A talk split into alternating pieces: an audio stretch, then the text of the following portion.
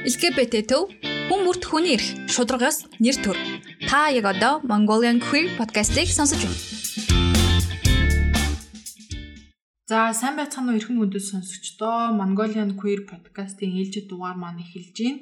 Тэгээд хөл хорооны үеэр та бүхэндээ бас илүү шин сонирхолтой мэдээллүүдийг өгөхийг айгүй хичээж байгаа. Өнөөдрийн зочин маань айгүй сонирхолтой сэдвээр одоо ярилцахаар ирсэн байгаа. За манай сонсогчдод өөрийгөө танилцуулна уу? Сайн байцгаана уу? Намайг Отгон Жаргал гэдэг. Би сэтгүүлч мэрэгчлээ. Өнөөдөр та бүхэнд Оскар Уайлдын амьдрал уран бүтээлийн тухай танилцуулнаа. За тэгэхээр аюу сонирхолтой гой сонсогчийн Оскар Уайлдыг зарим сонсогчд маань мэдгүй байж магадгүй. Тэгэхээр одоо яг ямар хүн юм бэ? Юугаараа алдартай юм? За Оскар Уайлд нь болохоор 19-р зуунд Англид амьдарч исэн зохиолч байгаа гоо зүүн амир өндөр мэдрэмжтэй. Тэг хамгийн гол нь бэлгийн чиг баримжаанд street бол байгаагүй гэдгээрээ бас алдартай тийм зохиолж байгаа. Аа. За тэгэхээр ном уншдаг хүмүүс бол энэ нэрийг сонсоод шууд мэддэг гэж магадгүй. Хэрвээ тийм ч их уншдаггүй бол одоо яг ямар зохиол нь илүү их алдар нэрийг авчирсан бэ? А за Оскар Уайлд бол Жүжигэн зохиолоор алдартай бас хамгийн Монголд бол хамгийн алдартай хүмүүс мэддэг нь Dorian Gray хөрөг гэж зохиол байгаа. Аа тэгээ бас шүлгийн төвөрүүд нь орж ирсэн байдаг. 2005 онд аж аргалтай ханхуу гэд хүүхдийн үлгэрийн төвөр нь бас орчуулагдсан байсан. Надад тэр нь байдаг. Тэгээ ховорноо. Тэгээд Оскар Уайлд нь болохоор 1854 онд Дублин хотод төрсөн. Тэгээ эцэг гэх нь сэхэтэн хүмүүс байсан. Аав нь мис заслын эмч, ээж нь яруу найрагч байсан. Тийм болохоор яруу найраг утга зохиолын сонирхлоо ээжээсээ авсан. Тэгээд багасаа ээжтэйгээ хамт нөгөө яруу найргийн уншилганд айгүйх явдаг байсан. Энэ зохиолчлогт нөлөөлсөн баг. Тэгээд багасаа айгүй онц сурдаг хүүхэд байсан. Оксфордын их сургуулийн тэтгэлгийг авч эртний грекийн хэл судлал, грекийн утга зохиол судлалаар Оксфордын их сургуулийг дүүргэсэн. Тухайн үеийнхаа хамгийн гоо зүүн өндөр мэдрэмжтэй тийм зохиолчдын нэг байсан. Амьдралын юм аяг нь айгүй сонирхолтой. Гоо зүү гэхээс одоо одоо манайхаар бол фэшниста. За Оскар Уайлд нь Оксфордын их сургуулийг 1900 биш 1875 онд төгссөн. Тэгтээ 21 настай байсан. Тэр үедээ л тухайд хамгийн загварлаг тийм эстетик гоо зүй татагдсан тийм хүн байсан. Тэгээд аав нь өөрөө сэхэдэн гаралтай гэр бүлээс гэр бүлийн хүн болохоор мөнгө ихтэй тэгээд тэрийг амар ингээд ер нь үрлэгэн гэж хэлж болохоор амар их хэрэггүй юмд мөнгө зарцуулдаг гэж одоо одоо хүмүүсүүлэг тэгж хэлэхээр тийм хүн байсан. Яг ховц сунар ингээд зүгээр л Англи Лондонгийн удамаар явж байгаа хүмүүсээс хэд дахин ганган байдаг байсан гэд гэж ярьдаг. Тэгээд 1880-аад оноос эхлээд Оскар Уайлд их сургуулаа төгсчөөд Америкаар ихтгэл тавьж хүмүүст ингээ гооцон талаар таниулж ярьдаг болсон. Тэгээ тухайн үед энэ үеэс эхлээд Оскар Уайлдыг ижил хүйснээ сонирхдаг гэсэн яриа гарч эхэлсэн байна. Тэгээд яг энэ үед болохоор Оскар Уайлдыг бүх насан насан туршдаа найзалсан. Тэгээ бас хайрт нь нэгэн цаг үед хайртай байсан гэдэг Робитэйгоо танилцсан гэдэг юм байлээ. За тэгээд Роби болохоор анх Оскар Уайлдтай танилцахдаа 17 настай байсан. Тэгээ тэр хоёр ингээд Оскар Уайлдыг нас барах хүртэл хамт байсан. Тийм сайн найз байгаа. Тэгээд айгүй олон хүмүүс Оскар Уайлдыг одоо ингээд бэлгийн чигээр хэмжээс нь олж гадуурхдаг ч юм уу зодох гэж оролддог байсан. Яг нэг оюутан бахны ганган болохоор тэгээд хичнээн спорт сонирхдаггүй, огт тийм мэддэггүй байсан хүмүүртлээ өөрийг нь зодох гээд ирсэн гурван цалууг бас зүгээр ингээд гурван буцаагаад зохиод зодоод гаргасан гэсэн тэмдэглэж гисэн байдаг. Тэгэхээр ганган ч гэсэн тийм хитрхи тийм зөөлөн хүн бол бас байгаагүй гэдэм лээ. Хамгийн сонирхолтой нь тэгээд Оскар Уайлд хэдий Роберт хайр сэтгэлийн харилцаатай байсан ч гэсэн санхүүгийн асуудлаас болоод Флойд гэдэг эмэгтэйтэй гэрлээд хоёр эрэгтэй хүүхэдтэй болсон. Тэгсэн ч гэсэн ингээд Оскар Уайлд амьдралын хэм маяг нь огт өөрчлөгдөөгүй. Залуу хүүхэдтэй аягүй хуулцдаг, бэлгийн хөдөлмөр эрхэлдэг хүмүүстэй бас аягүй хуулцдаг байсан. За энэ нь болохоор ингээд сүүлд шоронд орохт айгүй том нотлох баримтлаад ингээд ижлэг хүсдэн ингээд ял авахт амар том нөлөө болсон. Тэгээ хамгийн сонирхолтой нь хичнээн Роби Оскар Уайлдтай насан туршид нь хамт байсан ч гэсэн Оскар Уайлд өөрөө бол яг хайртай байгаагүй. Найзын хуваар хайрладаг байсан гэдэг. Оскар Уайлдын өөрхөн хайртай залууг Альфред Дуглас гэдэг байсан. Тэрнтэйгээ 1891 онд буюу яг уран бүтээлийнхаа оргил үед танилцсан. Тэгээ тэр үед Альфред дөнгөж 19 настай байсан. Оксфордын оюутан байсан байхгүй. 1991 оноос 95 онд хүртлээ уран бүтээлийн оргил үе байхгүй юу. Тэгээд тэр үедээ ингээд хамгийн алдартай зохиолуудаа бичсэн. Тэрнийх нь нэг нь мэдээж Dorian Gray хөрөг зохиол нь ордог. Энэ хугацаанд Оскар Уайлд аягүй мөнгөтэй. Тэгээд үргэлгэн одоо Английн Лондонгийн язгууртны хүрээлэл донд амар алдартай. Ингээд кино баян маяг кинонд гардаг шиг тийм баян чинэлэг одоо ингээд зугаад баян баян чинэлэг хүмүүсийн зугаад сэнгэлийн амьдралд аягүй уусан орсон. Тэгээд нөгөө нэг ерөнхийдөө бол Dorian Gray би киног нүцсэн бохгүй юу яг тэр кинон дээр гардаг шигээ ер нь бол одоо яг Dorian Gray дүртэйгээ өдөгсдөг гэсэн үг өөрөө. Тий. Хүмүүс болохоор нөгөө Оскар Уайлд Dorian Gray-г яг өөрийнхөө тухай бичсэн гэж бас яг нөгөө намтарчилсан зохиолтой төстэй гэж ярьдаг. Өөрөөсөө жишээ авсан. Яг тэгэхээр уусаа нөгөө Dorian Gray бол амар үнэхээр сайхан залуу ганган гоё залуу гэд Оскар Уайлд өөрөө ч гэсэн яг л тийм залуу байсан. 1895 онд Альфред аав нь Майкл Дуглас гээд Английн их том сэхэтэн хүн байсан. Тэгээд тэр Оскар Уайлд Альфред хоёрын харилцааг олж мэдээд эсэргүүцсэн.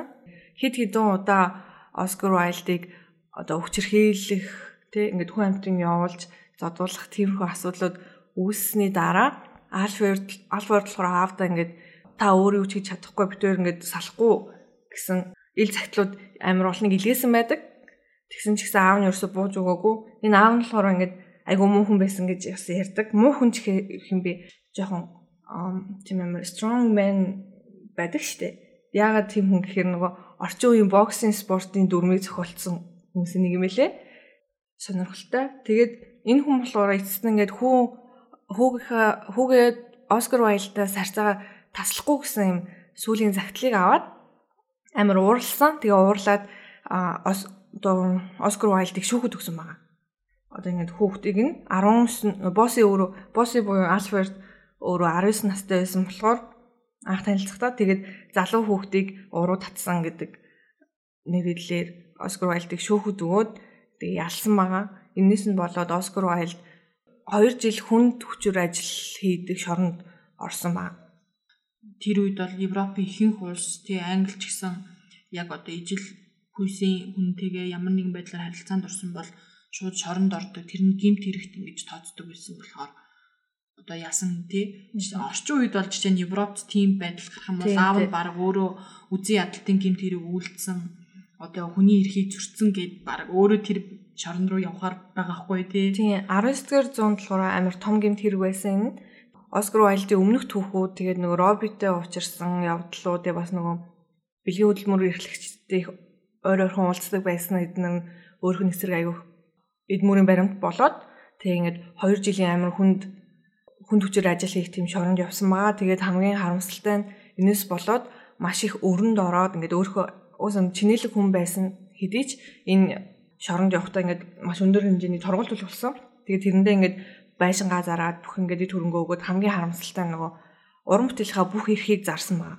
Тэгээд өөр дээр нь өөрх нь зохиолын нэг ч их эрх байхгүй болоод 2 жил шоронд суугаад тэгээ би энэ ч хүндрээд гарч ирсэн. Тэгээд удахгүй шоронгоос гарч ирээ 3 жилийн дараа л нас барсан. Тэгээд шоронгоос гарч ирээ ганцхан бүтээл төрүүлсэн. Тэр нь яг нөгөө шоронгийн амьдрал хүмүүсийг хэрхэн хамалдаг вэ? Ямар тогтолцоо ямар муухай гэдэг тухайл гардаг. Тэгээд тэр нь өгснээс нь хойш нас барснаас нь хойш 5 жилийн дараа нийтлэгдсэн. Тэгээ тэр нь болохоор нөгөө Роби гэдэг насан туршидаа найзлсан гэдэг байгаа. Тэр найз нь 5 жилийн дараа нийтэлж өгсөн. Тэгээд шоронгоос гарсан хойно эхнэр нь эхнэр нь гэхдээ амар хамгийн сонирхолтой нь эхнэр нь одоо ингээд ийм олон асуудлууд гарсан. Тэгээд одоо гэрэлсэн цаг хугацаанаас хойш тасралтгүй ингээд нууц амрагтай байсан ч гэсэн эхнэр нь бол Оскар Уайлдаас салаагүй. Тэгээд шоронд байхад ч гэсэн эргэж очиод хэрвээ ингээд амьдралдаа буцаж ирээд дахиад зэзэж эрэгтэй хүмүүстэй уулзахгүй гэж амлах юм бол ингээд хоёр хүүтэйгээ хамт ингээд бид нартай хамт амьдарч болно гэсэн болцол тавьсан байдаг. Оскар Уайлд өөр айгу омглон ууртай бардам хүн юм болохоор ерөөсөн хүлэн зөвшөөрөөгүй би чамд ирж очихгүй гэдэг очоогүй байдаг. Тэгээд шоронгоос гараад 3 жилийн турш Оскар Уайлд амар ядуу тарчиг амьдарч амьдарсан. Тэгээд Роби жижиг байр хөлсөлж мөлсөлж өгөөд 3 жилийн турш ганцаараа амар хүнд хатгалгаа сүрье гэдэг дараалсан юм шаттай хүн түнд өвчнүүд харамсалтайгаар 56 наснда бодулсан байгаа. Өөртөө үнэн ч тийм хүн биш тий. Би гей гэдэг нь буруу биш. За яг хуу магадгүй бисексуал ээж магадгүй л тий. Гэхдээ одоо юу гэдэг их нэртэй бас ингээл ямар нэгэн байдлаараа худлаа хилээд ч юм уу эсвэл өөрийгөө үгүйсгэж амьдарч болохоор исэн биш тий. Тийм тий. Шоронд орохын өмнө ч гэсэн нөө хэрвээ уучлал хүссэн загтал бичээд одоо ингээд ирүүлчихнэ гэсэн бол хүнд өвчөр үлмөр ихлүүлэх шорон биш сэтгчийн сэтгцийн эмнэлэг рүү явах боломж бас байсан. Тэгээд өөрөө эсэргүүцээд өөрийгөө буруутай гэж ерөөсөө хөлөө зөвшөөрөхгүй байсараа шорондоо явсан. Тэгээд хамгийн энэ хүний амьдралаас хамгийн харамсалтай нь ингээд багасаа ингээд сэдэн гэр бүл төрөөд амар аз жаргалтай тийм язгууртны амьдралаар амьдарсан хүн сүүлийн хэдэн жилдээ ингээд тийм яг өндөө шудраг бус шүлтдээс үдээд ингээд амар харамсалтайгаар өөрийнхөө уран бүтээлийн бүх эрхийг алдаад хинч юу ч бичсэн ирүүлээд ямар ч зохиол бичээд ямар ч жүжиг бичсэн хүн хүмүүс тэрийг хүлээж авахгүй болоод тийм амар үзий ядалт донд нас барсан тийм айгу харамсалтай. За тэгэхээр намтрын хувьд бол юм юм байна. Бас яг Dorian Gray хүргийн хүрэг бүтээлийн талаар одоо бас яриа тий. Dorian Gray болохоор ингээд залуу бас яг язууртан хамгийн гол нь ингээд амар гоо үзэсгэлэнтэй эрэгтэй хүний тухай гардаг. Тэгээд Басил ноён, Хенри ноён гэд хоёр ноёнтой ингээд айгу дотн хөрөлдөг.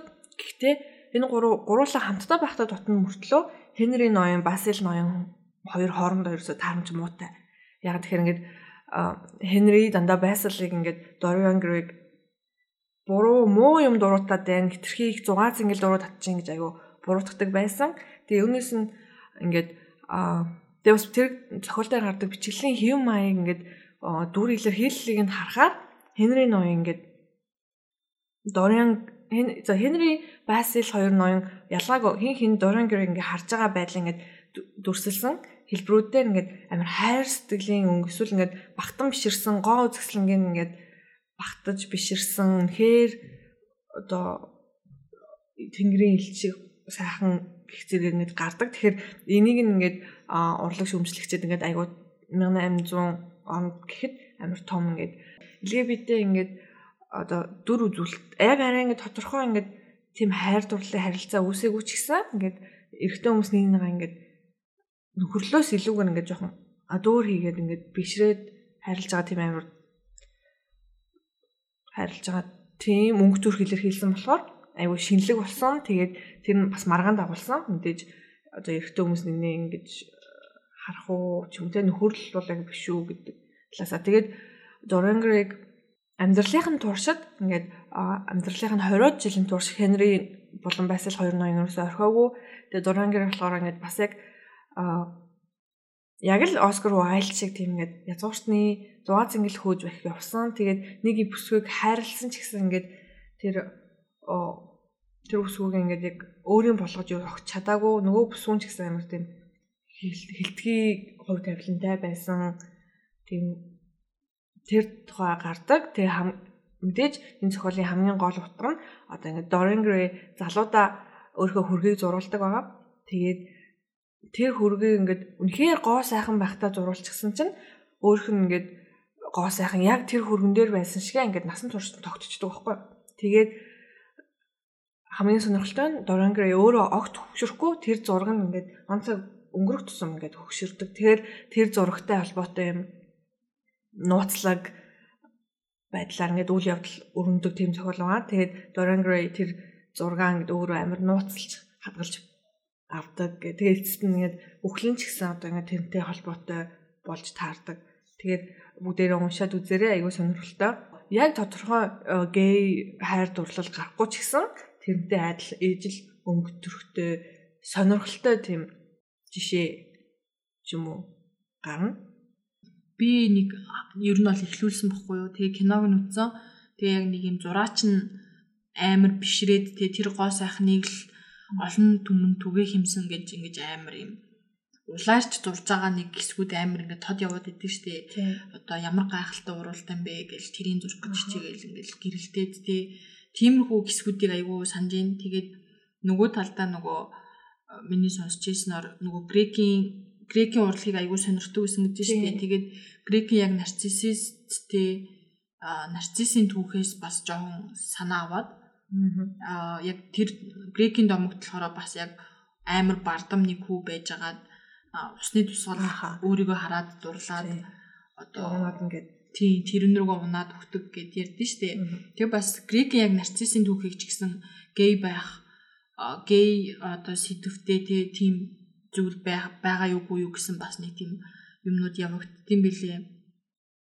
Одоо эрэгтэй хүмүүс ч эмэгтэй хүмүүс ч амар араас нь дурладаг байсан байсан гэл тэгээ нэмээд өөртөө гэдгээс гадна чинь эрэгтэй дүр хараад дурлаад үхэж байгаа хэсэг байгаа гэж ухаар нэг юм гей нюансууд яваад байгаа юмнууд л байгаа гэдгийг сонирхолтой сонирхолтой байдیں۔ надаа.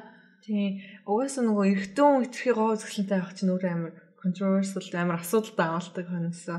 Тэгээд ингээд а тэрийг нь эрэгтэй хүн багтаад бишрэх юм бол бас ингээд бүр их асуудлууд гэдэг асуудал нь цаашаа тэр нэг жоохон хилэм давалдаг байх. Тэгээд нарциссистийн хувьд Оскар Уайлдыг тэрнээс жишээ авсан байж магадгүй нэг тийм харьцуулсан өгүүллүүд бас байдаг. Тэгэхээр тийм үү Dorian Gray-г ер нь нарцисст гэж тодорхойлдог. Тийм залуу яг зөвхөн өөрийгөө харилдаг, өөрийнхөө гоо үзэсгэлэн нэг хитрхээ бахтан бишэрч гисэн. Тэгээ ингээд одоо хөгшөр өөр ингээд огт хөгшөрхөө болцсон 21 настайгаас хойш огт нас нэмээгүй гоо үзэсгэлэн хэврээл байгаад байгаа. Тэгээд үүнийхөө төлөө ингээд тэр хин нэгэн бариад мэдчүүдийг ус амар айдаг. Тэг ингээд зөвхөн гоо сайхнараа байгаад хүмүүсийг нэг талаас ингээд хуураад тэгээд өөрөө ингээд хизээч хөөгшөрөхгүй тэгээд амьдэрсэн. Тэг өөрийнхөө гоо сайхнууд хүмүүст ингээд бишүүлээл Английн язгууртны амьдралыг язгууртны хүрээлийнхэнд өөрийгөө бишрүүлж багтуулж амьдэрсаар ирсэн. Тэгээд тэгээд өөрийг нь бишрэхгүй байвал бас аюу хүн дээр хүлээж авдаг. Тийм дүр байгаа.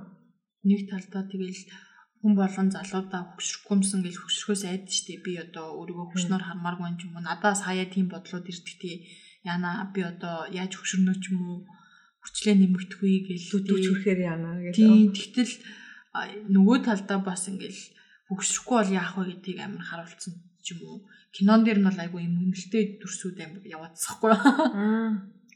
Тэгээ нөгөө өөрөөс нь бус нь өөрөөс нь хайртай хүмүүс нь бүгдээрээ ингээд нас нам суугаад ингээд хүчлээ тогтоод хөшөрж байгаа тухай. Тэр бас яг тийм байна. За баярлаа. Тэгээ Dorian Gray хөрөг бүтээл болон яг зохиолчийн намтрын талаар ингээд товч мэдээлэл хүргэж хагаад энэ LGBT гэдэг хүмүүс чинь зөвхөн одоод байгаагүй тий арчлалтай хамт Монголд орж ирээгүй дэлхийд дахнаа хаан ч ингээд ямар ч зуунд ямар ч одоо мянганд амьдарч исэн хүмүүс гэдгийг л одоо эргэж сануулмаар байгаа гэх юм уу. Тэгээд чиний хувьд хайртай LGBT зохиолчдоос чинь Оскар Вайлд яг ямар онцлогтой вэ? Өөрөөс ямар ямар зохиолч байдаг вэ?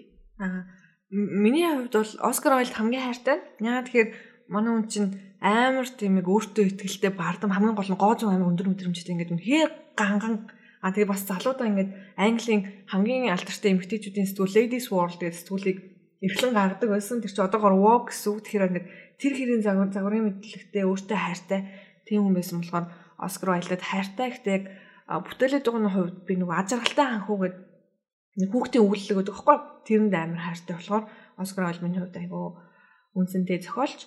А за тэгээд Оскар Уайлд хизэж өөрөөсөө ницаагүй тэг хизэж өгөөсгөж байгаагүй Тэр нь хамгийн гой санагддаг. Тэгээд 1800 онд тэгээ 19-р зуунд их нэртэй тэгсэн мөртлөө ингээд олон хүн болгон мэддэг язгуурчны хөрөөлийнх нь мэддэг нууц хамаагуудтай байна гэдэг чинь айгүй том зориг болохоор надад тэр нь ингээд үнэхээр proud team хүн байсан шиг санагддаг. Бүх юмаа ингээд өөрийнхөө амьдралаар юу бахархдаг тийм хүн байсан. Тэр нь ингээд айгүй үнцэнтэй үнцэнтэй сайхан санагддаг.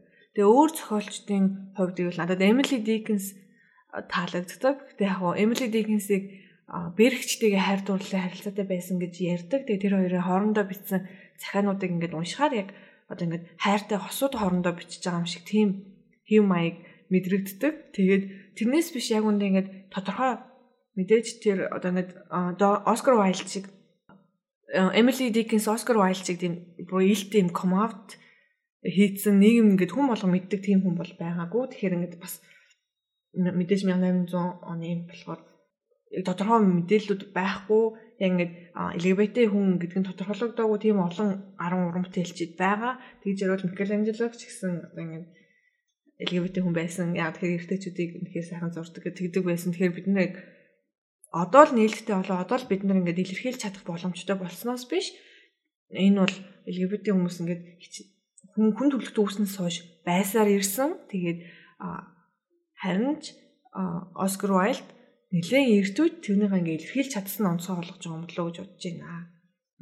Харин тийм энэ дэр жишээ нь ингээл Микеланжелогийн тухай судлаачид ингээ явахаар эрэгтэй хүмүүст зориулсан хайрын захаа махаад ч юм уу тийм фактууд байдаг. Харамсалтай нөгөө нийгмийн олонх гэдэг байгаа эсрэг үеийн хүмүүстэй татагддаг стрейт хүмүүс маань айгүй их нөгөө түүх болгоныг ингээ стрейт болгох гэдэг тийм ингээл одоо Оскар Вайлд ямар нэгэн байдлаар их нэртэй юм чинь стрейт л байж таараа гэж одоо тэг гей амьдралын нуух ч юм уу ярихгүй байх ч юм уу 10 жилд бол яг тийм л хийсэн шүү дээ. Бид нарт ерөөсөө ийм хүмүүсийн талаар ярьдгүү одоо энэ хөдөлгөөний талаар ярьдгүү уул нь яг түүх төр жишээ за ярмаар авахгүй те 20 дугаар зууны дундаас ингээд LGBT хүмүүс өөрсдийнхөө эрхийн төлөө ингээд жагсаж эхэлсэн. Энэ нь одоо дэлхийд дахна ийм ийм ийм төвшлөлттэй явж гин гэд хичээл дээр орох хэвээр байдал ерөөсөө тэгдгүүтэй. Зөвхөн стрейт хүмүүсийн талаар зөвхөн одоо ихэнх хэрэгтэй хүмүүсийн талаар ч юм уу ярьдаг. Бараг сайн яриул зөвхөн одоо цагаан арьстай сэхэтэн хүмүүсийн түүхийг бид нарт яриад байдаг тий. Тийм хэрхэн нэгнээ алсан бэ? Хэрхэн бодолцсон бэ гэдэг. Зүгээр дайны тухайл түүх үзсээр аваад ингээ 10 жилийн төгссөн. Тэгэхээр одоо ингээд бодгоор бас яг эмгтээчүүдийн эрхийн тухай ч гэсэн бас нь анхны хөдөлгөөнүүдийг түүх хичээлдээ үзмээр. Тэгэхээр одоо ингээд цаг сайхан болоод манай дүүнэр өөрсдөө ингээд хайгаад уншаад ингээд олж мэдэх боломжтой болцсон ч гэсэн ингээд нам миний үед бидний сургуульд хахад ерөөсөө тийм байгаагүй. Одоо амар харамсдаг. Эрүүл мэндийн хичээл дээр ч гэсэн одоо ингээд нэг л удаа манад яг эрүүл мэндийн хичээлийн үеэр LGBT амьдрал LGBT хүмүүсийн тухай хичээл орж исэн. Тэгэхээр манай багш харамсалтай өөрөө жоохон хомофобик хүн байсан. Тэгээд айгу дуртай дургу заагаад тэгээд ийм нь байдаг юм аа шал заваарсан гэж хэлсэн. Тэгээд би ингээд тухайн үед азтай манай гэрх ингээд жоохон нээлттэй хүмүүс болохоор ингээд бид нар ингээд би бүр ингээд 10 марвтаагаас л ингээд хүмүүсийг хүлэн зөвшөөрч гсэн байсан байхгүй юу?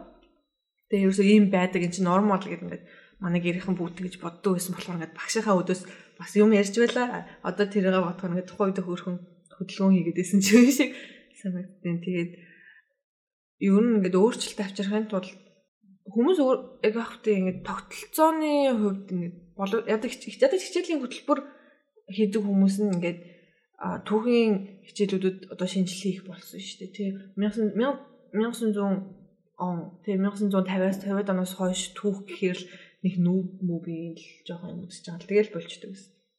За тэгэхээр баярлалаа хөдөлцөн ирж одоо өөрийнхөө мэдлэг туршлага бас дуртай зохиолч хаан талаар хуваалцсанд тэгээ сонсогчтой хандаж хэлэхэд энэ одоо яг LGBT түүхэн дэх зохиолчдын талаар цувралаар хүрэхийг бит хоёр бас хүсэж байгаа. Хэрвээ таалагдах юм бол шеэрлээрээ, лайк дараарай, комент бичээрэй. Бас өөрсдийнхөө дуртай зохиолчдын талаар яриарай гэж хэлмээр байна. Та нар одоо их сонсох тусам их хандлтаа хөх тусам одоо бит хоёр урам ороод бас хийхээр цаашид хийн гэдгийг анхаараарай гэж хэлье гэдэг юм. За баярлаа. Би анх удаа подкастт орж байгаа болохоор жоохон сандарч байна. Тэгээд айгу хурдан ярьдаг болохоор миний яриаг ойлгохгүй ч магадгүй уучлаарай. Тэгээд би Facebook дээр нэг хуудас хөтэлдэг. Манай хуудсыг дагаарай. Book Codes Mongolia гэдэг. За доор доор нь линкийг ерөөсөө тавьчих. Тэгээд таад бас сонгоорой гэж хэлмээр байна. Баярлаа. За баяртай. Баяртай. LGBT төв хүн бүрт хүний эрх шударгаас нэр төр. Та яг одоо Mongolian Queer podcast-ийг сонсож байна.